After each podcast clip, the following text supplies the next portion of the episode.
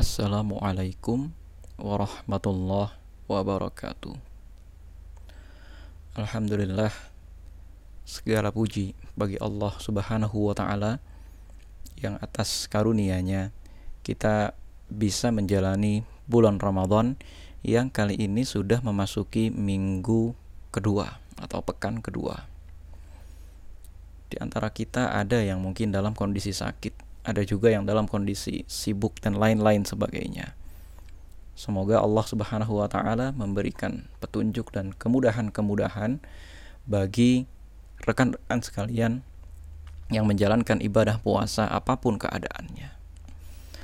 Salawat serta salam kita panjatkan kepada Rasulullah Sallallahu Alaihi Wasallam karena melalui beliau Allah Subhanahu Wa Taala memberikan kepada kita berbagai syariat yang memudahkan jalan kita.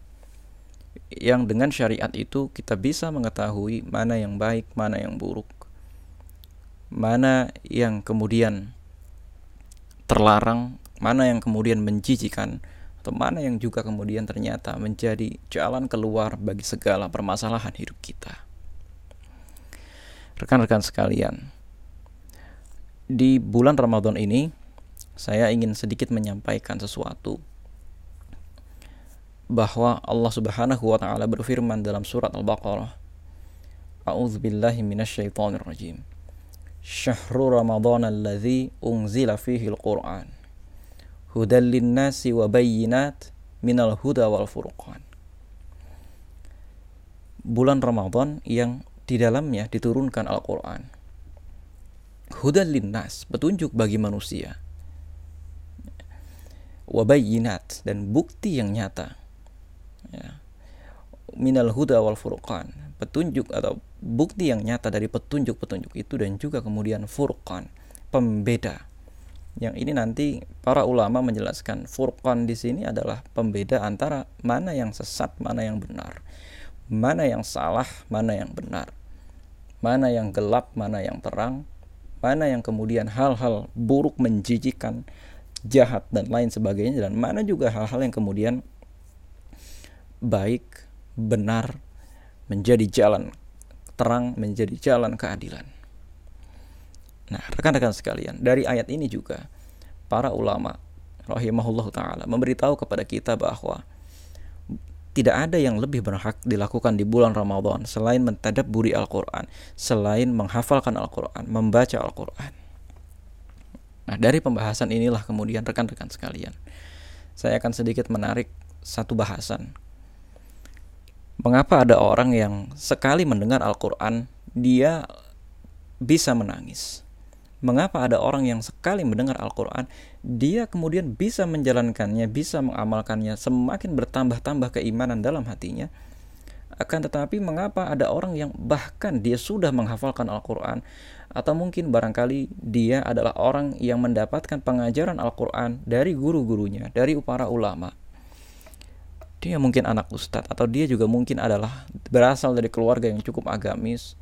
Akan tetapi semakin dibacakan Al-Quran kepada dirinya tidaklah bertambah keimanannya melainkan bertambah keingkarannya bertambah-tambahlah alasan-alasannya untuk selalu menentang syariat Islam bahkan kadang-kadang di masa sekarang kita jumpai orang-orang ini menggunakan masa lalunya itu menggunakan dalih bahwa dia anak pesantren menggunakan dalih bahwa dia pernah menghafalkan Al-Quran atau bahkan menggunakan dalih bahwa keluarganya adalah keluarga ulama. Dia adalah murid seorang yang kita kenal sebagai ulama.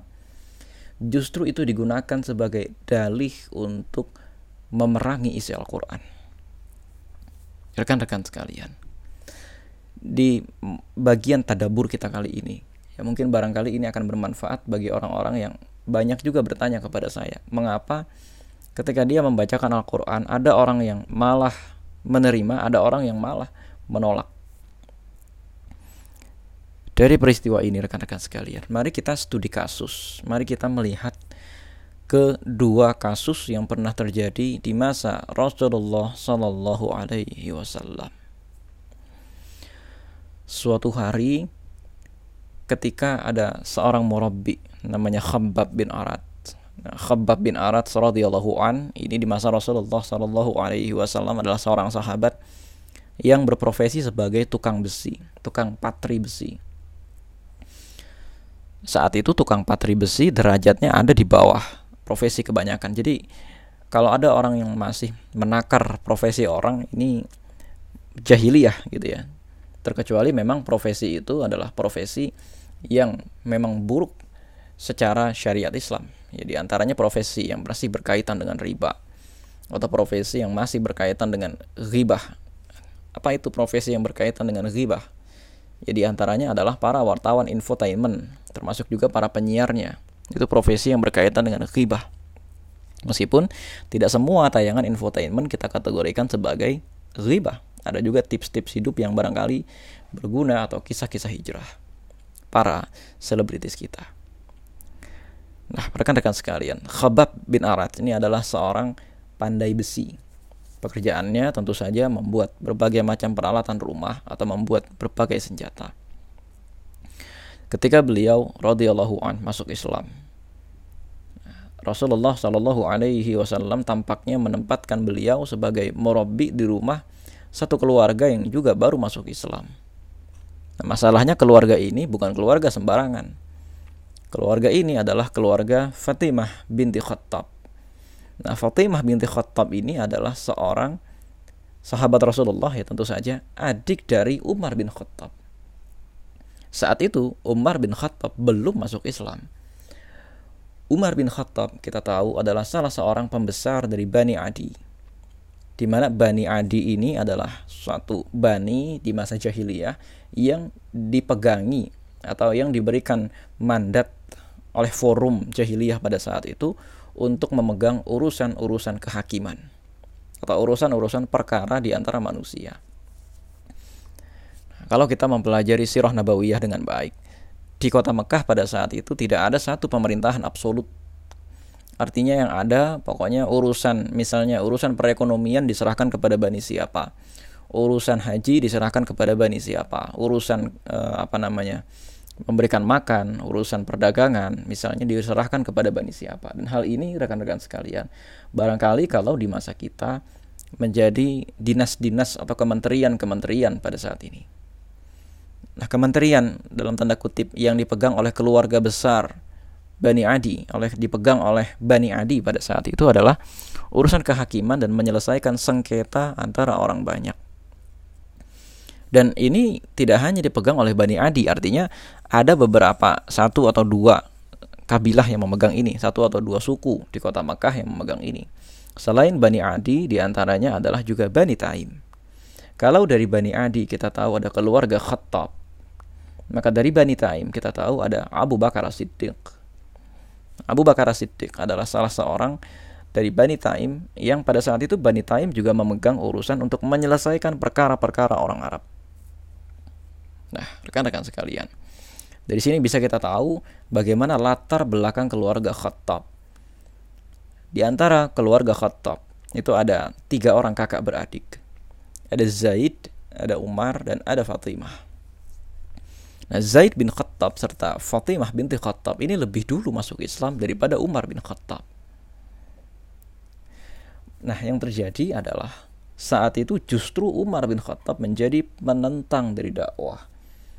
Sampai-sampai ketika para sahabat Rasulullah Shallallahu Alaihi Wasallam pada saat itu ingin berangkat berhijrah, ada seorang perempuan yang terlihat dia sedang merapikan barang-barang di luar rumahnya. Di depan rumah biasa disiapkan. Ini mau mau berangkat hijrah, berangkat pergi jauh. Saat itu berangkat hijrahnya ke Habasyah. Sementara hijrah ke Habasyah terjadi pada tahun keempat dari kenabian. Jadi empat tahun setelah Rasulullah Shallallahu Alaihi Wasallam memulai dakwah. Barulah kemudian para sahabat Rasulullah ini berangkat berhijrah. Saat itu ketika perempuan ini merapikan barang-barangnya, Umar bin Khattab itu lewat.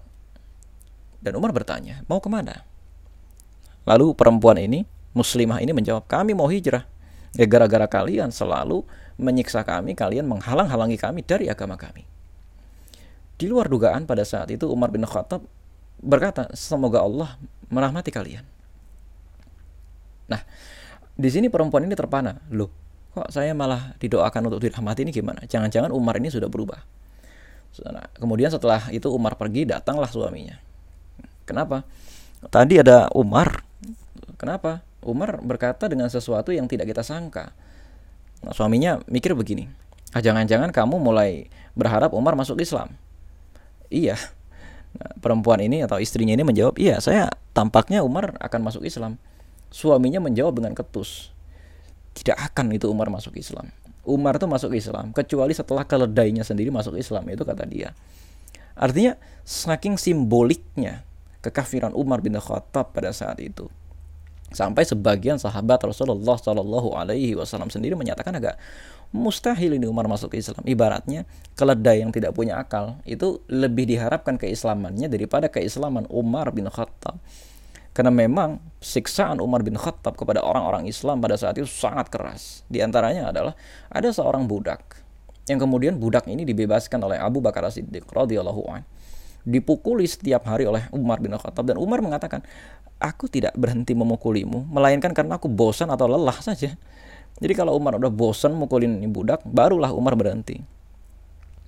Rekan-rekan sekalian, Kemudian suatu hari ya ketika kita kembali kepada kisah Fatimah binti Khattab ini ketika suatu hari Fatimah binti Khattab sedang dengan keluarganya tentu saja diajari oleh sang murabbi yaitu Khabbab bin Arad diajarin oleh sahabat Rasulullah yang lebih dulu masuk Islam saat itu ternyata materi pengajarannya adalah surat Toha maka ya rekan-rekan sekalian Fatimah binti Khattab pada saat itu dan juga mungkin Khabbab bin Arad itu tidak mendapatkan riwayat siapa yang sedang membacanya.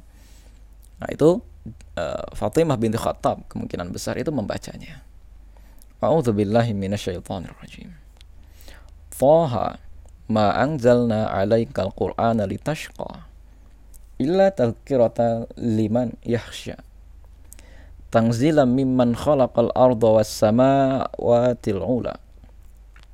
Toha. Nah, kami tidak menurunkan Al-Quran ini kepadamu agar kamu menjadi susah. Tetapi sebagai peringatan bagi orang yang takut kepada Allah. Yaitu diturunkan dari Allah yang menciptakan bumi dan langit yang tinggi. Rekan-rekan sekalian. Dari ayat ini, ya sebenarnya ayat ini mungkin jarang kita tadaburi. Akan tetapi sebetulnya ayat ini mungkin bagi orang kebanyakan tuh biasa saja. Tapi mari kita simak kisah selanjutnya.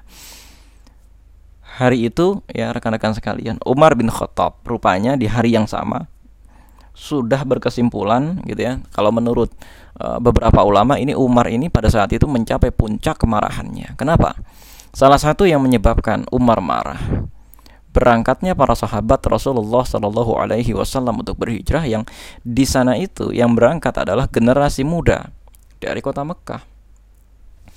Yang berangkat itu sekitar 80 orang laki-laki. Artinya 80 orang yang akan menjadi pemimpin masa depan di kota Mekah itu dipisahkan dari kota Mekah oleh Rasulullah Shallallahu Alaihi Wasallam.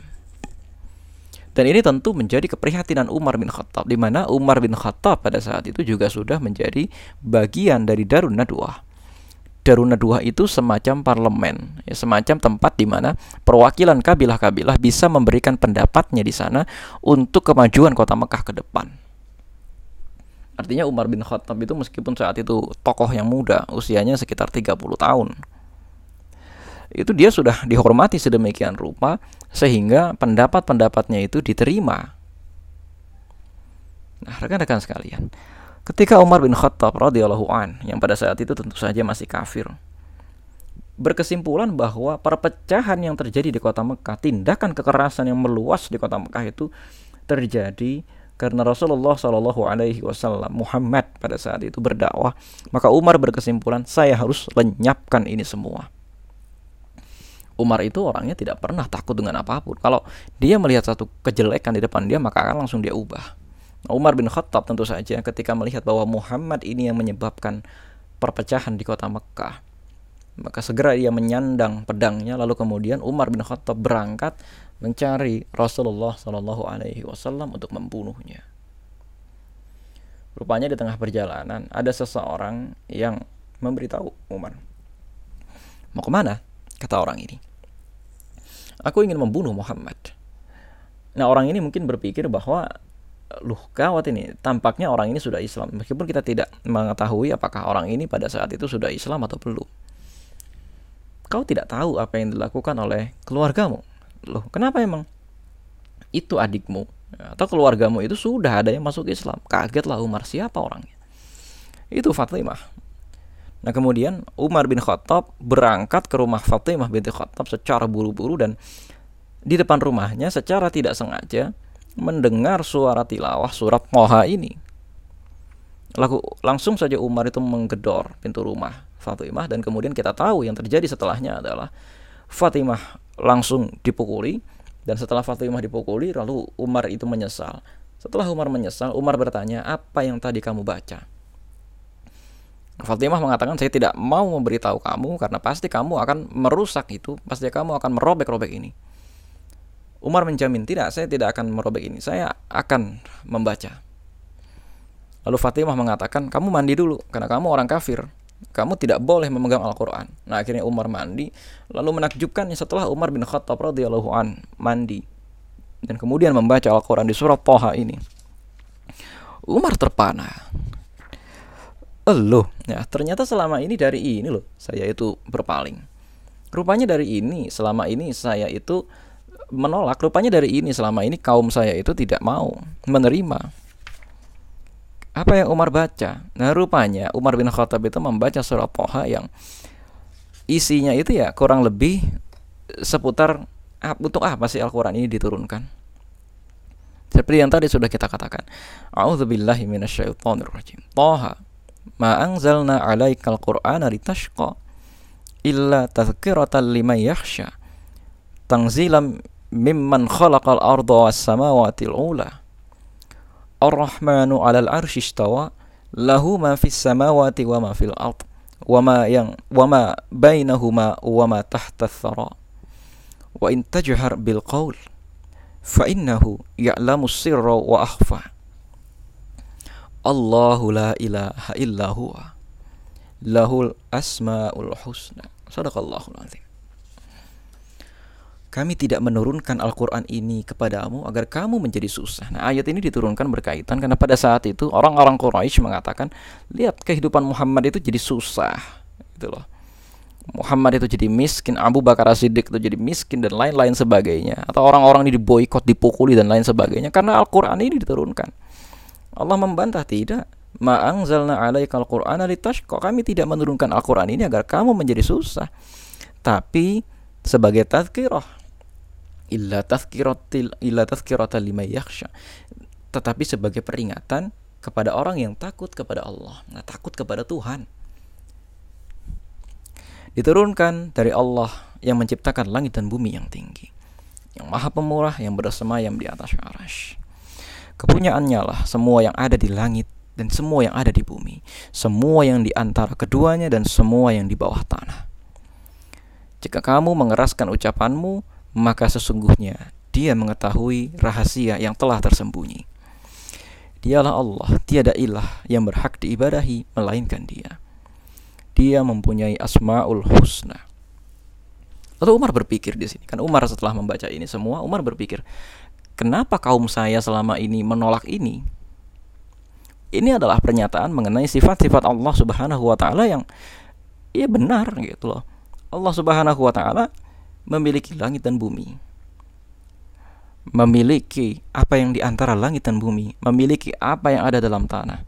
Dan bahkan ketika Allah Subhanahu wa taala dalam tanda kutip orang-orang jahiliyah pada saat itu meyakini bahwa Allah hanya mendengarkan ucapan kita yang keras tapi tidak mendengar apabila kita berbisik-bisik atau apabila kita hanya uh, memikirkan sesuatu dalam hati. Tapi di sini Allah Subhanahu wa taala mengatakan dia mengetahui rahasia yang telah tersembunyi.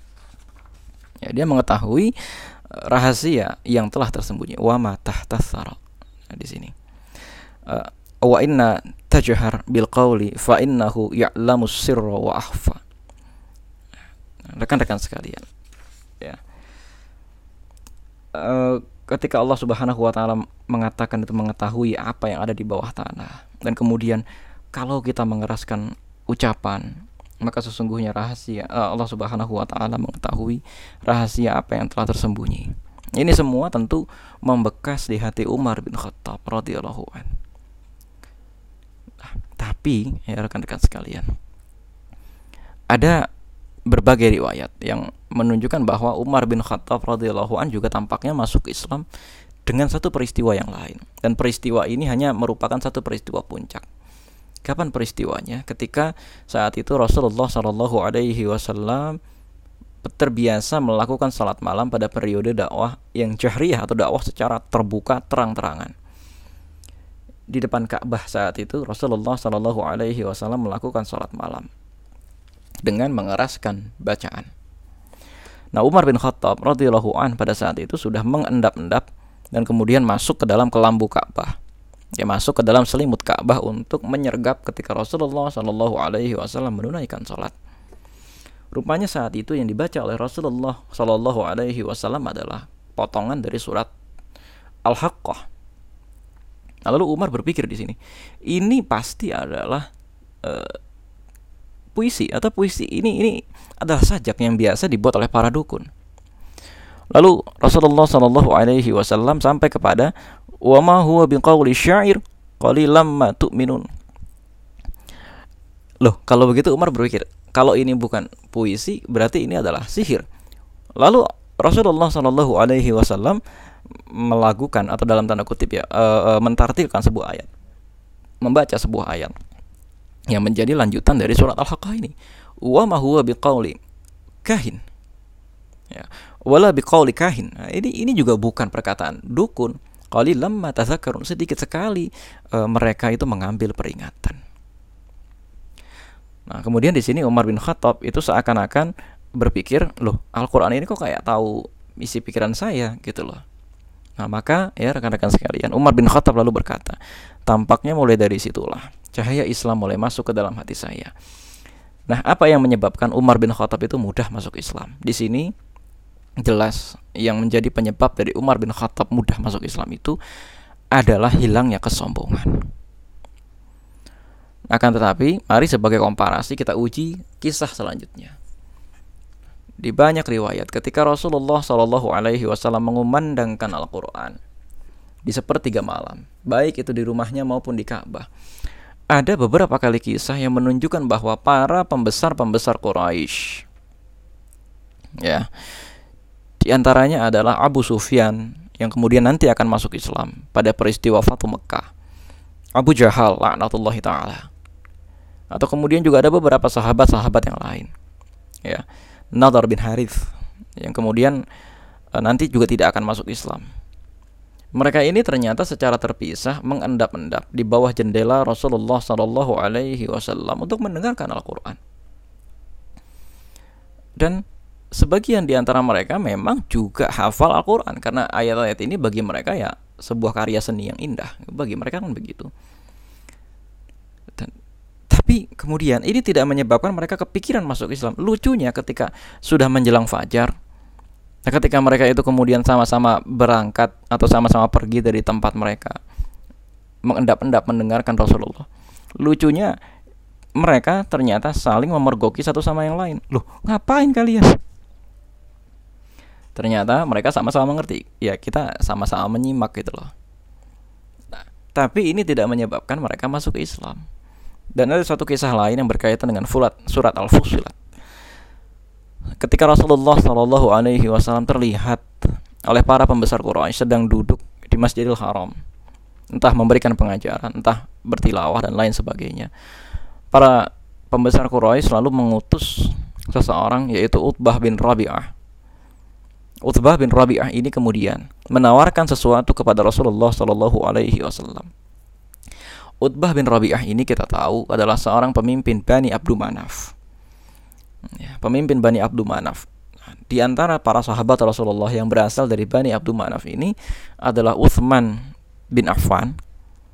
Lalu kemudian di antaranya juga ada Yazid bin Abu Sufyan yang menjadi kakak dari Muawiyah bin Abu Sufyan.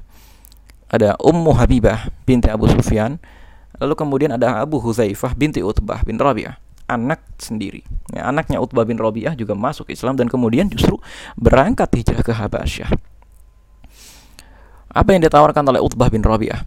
wahai Muhammad, kalau engkau uh, menghentikan dakwahmu, maka aku akan memberikan kepadamu kalau engkau itu mencari uh, perempuan, maka aku aku carikan perempuan yang paling cantik di kota ini.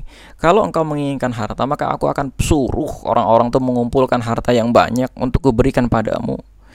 Kalau engkau itu mencari kedudukan, maka engkau akan kami angkat menjadi pemimpin di tengah-tengah kami dan tidak akan kami buat keputusan sebelum kami bertanya padamu. Intinya orang ini akan ditokohkan deh. Atau kalau kamu kena satu penyakit, akan kami carikan tabib, akan kami carikan dukun untuk mengobati penyakitmu. Karena mereka sama-sama mengakui Rasulullah Shallallahu Alaihi Wasallam tidak punya masalah dalam track hidup. Secara akhlak paling baik, tidak ada orang pernah digelari sebagai al-amin yang terjujur itu kecuali Rasulullah Shallallahu Alaihi Wasallam. Eh, bahkan ya kita ketahui Abul As bin Rabi' ya Abul As itu kan sendiri adalah salah seorang juga yang menjadi pembesar Quraisy.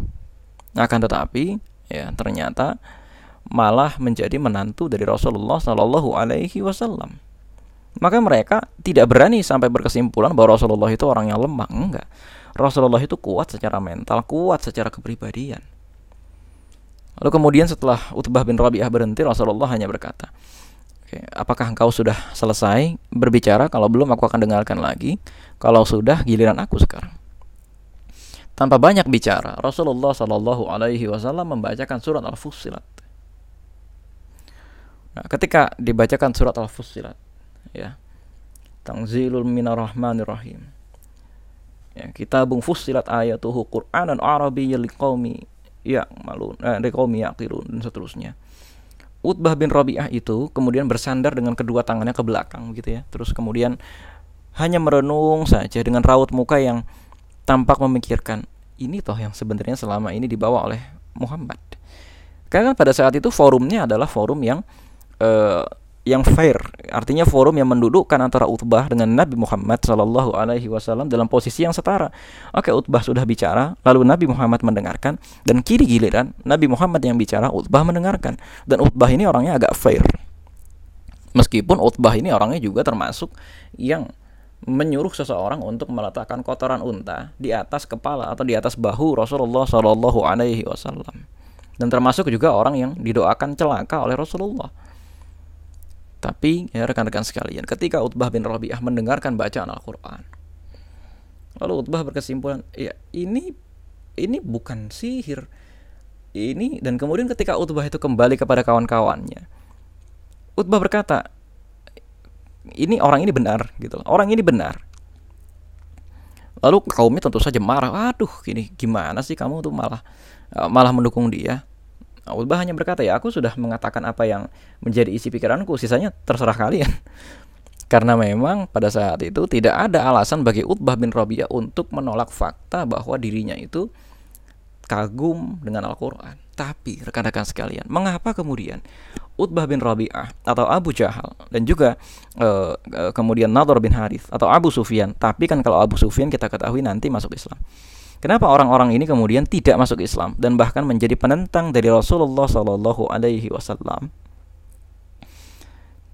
Tapi Umar bin Khattab itu malah menjadi sahabat Rasulullah Shallallahu Alaihi Wasallam. Apa bedanya? Dan Abu Jahal, ya Amr bin Hisham nama aslinya. Rasulullah Shallallahu Alaihi Wasallam pernah berdoa, Ya Allah, masukkanlah ke dalam Islam ini salah satu di antara yang bisa memperkuat agama ini, yaitu Amr atau Umar. Ya, Amr yang dimaksud adalah Amr bin Hisham yang menjadi nama asli dari Abu Jahal. Lalu uh, Umar yang dimaksud tentu saja adalah Umar bin Khattab. Ternyata pembeda di antara mereka adalah Umar bin Khattab pada saat itu tidak memiliki kesombongan dalam hatinya, tidak punya privilege yang justru privilege itu nanti akan membuat dirinya itu berat mengakui kebenaran Islam. Umar bin Khattab radhiyallahu an pada saat itu bukan salah satu pembesar atau bukan salah satu pemimpin politik dari Bani Adi. Dia hanya memang adalah seorang ya tokoh saja. Tokoh di kalangan pemuda yang tidak punya jabatan apa pun, jadi ringan bagi dia untuk mengakui kebenaran karena dia tidak punya beban pengakuan dari orang lain. Sementara Abu Jahal, ya, Abu Jahal pada saat itu punya beban Bebannya apa? Dia adalah salah satu pemimpin dari Bani Makhzum, Kadang-kadang beban politik semacam ini, ini yang membuat seseorang itu berat untuk mengakui kebenaran. Ibaratnya sudah saya terlanjur menjadi pemimpin dari kemungkaran ini, atau saya sudah terlanjur mengatakan begini, masa saya menarik ucapan ini lagi? Rekan-rekan sekalian, dari peristiwa ini kita belajar, dari tiga cerita ini kita belajar. Seseorang itu akan memang tidak bisa khusyuk mendengarkan Al-Quran, tidak bisa jujur di hadapan Al-Quran tidak bisa menangis di hadapan Al-Quran kalau dalam hatinya itu ada rasa kesombongan. Rasa keangkuhan, rasa kesombongan itu datangnya dari mana? Ah sudah privilege, termasuk datangnya dari kalau kita ini memang bukan orang yang ya dalam tanda kutip soleh-soleh amat. Kita ini bukan orang yang alim-alim banget, tapi kemudian terlanjur menggunakan kata-kata itu sebagai perisai. Udahlah, saya ini kan tidak soleh, saya ini kan memang bukan orang yang diharapkan menjadi dai, saya ini kan bukan pejuang dan lain sebagainya. Sudahlah, Ngapain sih saya berjuang? Ngapain sih saya mendengarkan Al-Quran? Itu loh yang jadi masalah sekarang. Sudahlah, saya ini kan bukan orang baik. Saya ini bukan datang dari keluarga baik-baik. Ini juga termasuk di antaranya keangkuhan. Atau kemudian ada orang yang berjilbab dan kemudian angkuh dia tidak mau mendengarkan Al-Quran gitu loh. Mending tidak mau ya jadi mending seperti orang-orang Quraisy dulu sih masih mau mendengarkan Al-Quran. Abu Sufyan Abu Jahal itu masih mau itu mendengarkan Al-Quran. Tapi kemudian ada hijab dalam hatinya ada tutupan dalam hatinya yang tutupan ini diberikan oleh Allah Subhanahu Wa Taala. Nah, rekan-rekan sekalian kesombongan inilah yang menyebabkan seseorang itu tidak bisa menangis, seseorang itu tidak bisa tersentuh, tidak bisa menerima kebenaran yang diberikan oleh Al-Quran. Sementara Umar bin Khattab, hijab dalam hatinya itu sudah dibuka oleh Allah Subhanahu wa Ta'ala. Umar itu mau jujur mengakui kebenaran apa yang ada dalam Al-Quran. Nah, kuncinya itu jujur. Ketika Utbah bin Rabi'ah sudah secara jujur mengakui Iya memang Al-Quran ini benar, tapi masih ada hijab dalam hatinya. Kenapa? Utbah bin Rabi'ah itu nggak enak sama temennya, sesama pemimpin kota Mekah. Utbah bin Rabi'ah yang pada saat itu usianya sudah mungkin sekitar 90 atau 100 tahun mungkin kata kata beberapa orang Utbah bin Rabi'ah dalam tabakat Ibnu Sa'ad itu meninggal dalam usia 140 tahun ketika menjadi eh, apa namanya korban tewas dalam perang Badar. Nah, ini kan tapi ini kisah yang lemah tapi mungkin saja karena ya pada saat itu kan orang tentu sehat-sehat. Saat itu mungkin Utbah bin Rabi'ah itu juga terhalang dengan ya posisi saya sudah sudah mapan, posisi saya sudah tinggi. Masa kemudian saya beriman kepada anak muda? Masa saya mengakui kebenaran anak muda ini? Nah, ini juga kemudian sifat yang berbahaya. Kebanyakan penentang-penentang Rasulullah Shallallahu Alaihi Wasallam itu usianya sudah tua usia mereka ini sudah usia yang dianggap sebagai senior. Maka berbahaya buat kita kalau kita itu menjadikan keseharian kita, kesibukan kita sebagai alasan untuk tidak mendekati Al-Quran sama sekali. Karena di antara para pembesar kota Mekah, ada orang-orang yang menjadikan alasan-alasan ini, alasan pangkatnya, alasan mungkin pekerjaannya, atau alasan besarnya keluarga yang mesti dia pimpin dan lain sebagainya, untuk menolak kebenaran Al-Quran. Inilah rahasianya. Kenapa ada orang yang ketika dibacakan ayat-ayat Al-Quran itu bisa langsung beriman. Ada juga ayat-ayat Al-Quran yang ketika dibacakan kepada dia, maka dia ini akan berubah, akan semakin sombong. Kadang-kadang ini juga bukan masalah siapa yang menyampaikan. Coba kita lihat yang menyampaikan Al-Quran atau yang menyampaikan bacaan Al-Quran yang langsung itu dibacakan kepada Utbah bin Rabi'ah itu yang menyampaikan siapa? Rasulullah Shallallahu Alaihi Wasallam langsung dari lisan Rasulullah. Sementara rekan-rekan sekalian yang membacakan Al-Quran kepada Umar bin Khattab itu bukan Rasulullah tapi adiknya sendiri Fatimah binti Khattab. Apakah kemudian kita mengatakan e, pasti ada yang salah nih dengan cara dakwahnya Rasulullah? Ya enggak lah atau apakah kemudian kita mengatakan mungkin saat itu Rasulullah Shallallahu Alaihi Wasallam tidak sabar dan lain sebagainya? Bukan. Ini kita bicara faktor dalam diri kita sendiri yang menyebabkan kenapa kita sulit menerima kebenaran. Ada beban dalam hati kita yang membuat kita itu ah sudahlah ngapain saya sholat gitu loh. Masa saya sholat gengsi lah. Atau masa saya pakai jilbab gengsi lah maka pesan dari sini rekan-rekan sekalian, kalau memang kita belum mampu menjalankan syariat Islam itu, ya jangan kemudian kita nyatakan atau kita perangi syariat Islam itu. Nanti ketika datang ajakan menjalankan syariat itu kepada kita, maka kita akan terjebak menjadi seseorang yang menolak syariat itu. Kita belum bisa berjilbab, padahal kita tahu jilbab ini adalah syariat Islam. Ternyata kita menolak, ah ngapain tuh orang yang berjilbab juga ada kok yang berbuat jahat. Atau itu juga ada orang rata-rata yang berjilbab itu yang diperkosa kok. Nah kalau kita sudah mengeluarkan ucapan seperti ini, nanti ketika datang ayat Al-Quran kepada kita, kita akan menggunakan ini sebagai tameng, sebagaimana uh, Utbah bin Rabi'ah, Abu Jahal, dan lain-lain sebagainya. Yang kemudian tameng ini menghalangi mereka dari menerima kebenaran Al-Quran, meskipun kebenaran itu sudah jelas di mata mereka. Gengsi, masa saya menerima kebenaran ini sih?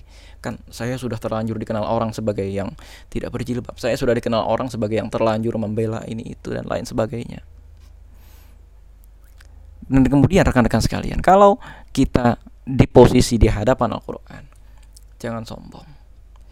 Tinggalkan semua keangkuhan kita. Sebagaimana ya ini kan pesan umum ketika seseorang itu menuntut ilmu.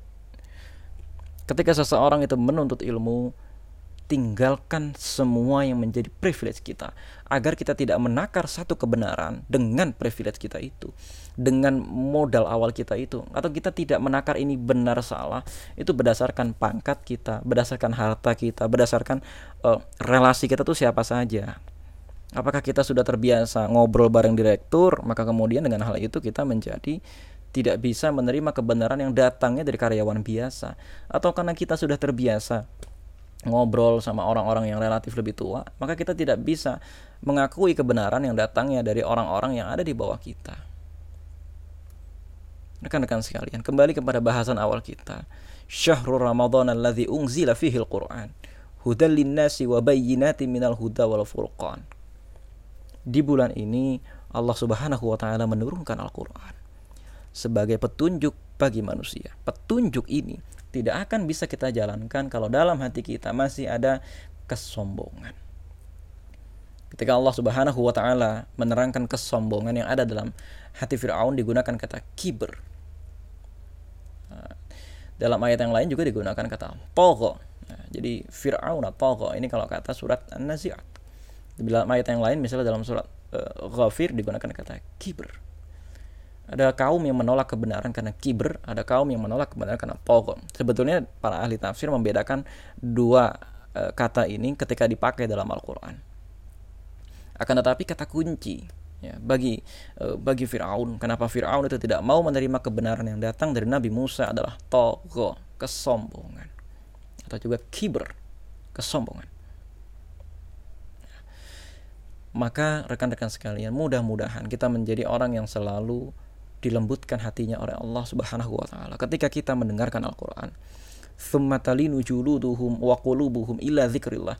Dan uh, uh, uh, hati kita atau kulit kita itu gemetar gitu loh. Hati kita itu gemetar dan tentram. Kemudian dari gemetar itu timbul rasa tentram. Illa dzikrillah. Nah, ini kan kalau kata surat Az-Zumar begitu ya mudah-mudahan ya rekan-rekan sekalian. Dari uh, peristiwa ini dari tiga cerita ini kita kembali bisa mentadaburi isi Al-Quran menghafalkan Al-Quran. Tinggalkanlah sifat malas kita itu. Jangan sombong jangan angkuh jangan menjadikan ah saya sudah terbiasa malas. Ngapain saya menghafalkan Al-Quran? Saya memang begini-gini aja udah ah itu ngapain saya menghafalkan Al-Quran? Karena kesombongan inilah yang menyebabkan orang-orang Quraisy tidak bisa menerima kebenaran Islam. Mari sama-sama mendoakan diri kita sekalian dan mendoakan kita semua agar kita tidak menjadi orang-orang yang sombong. Assalamualaikum warahmatullahi wabarakatuh.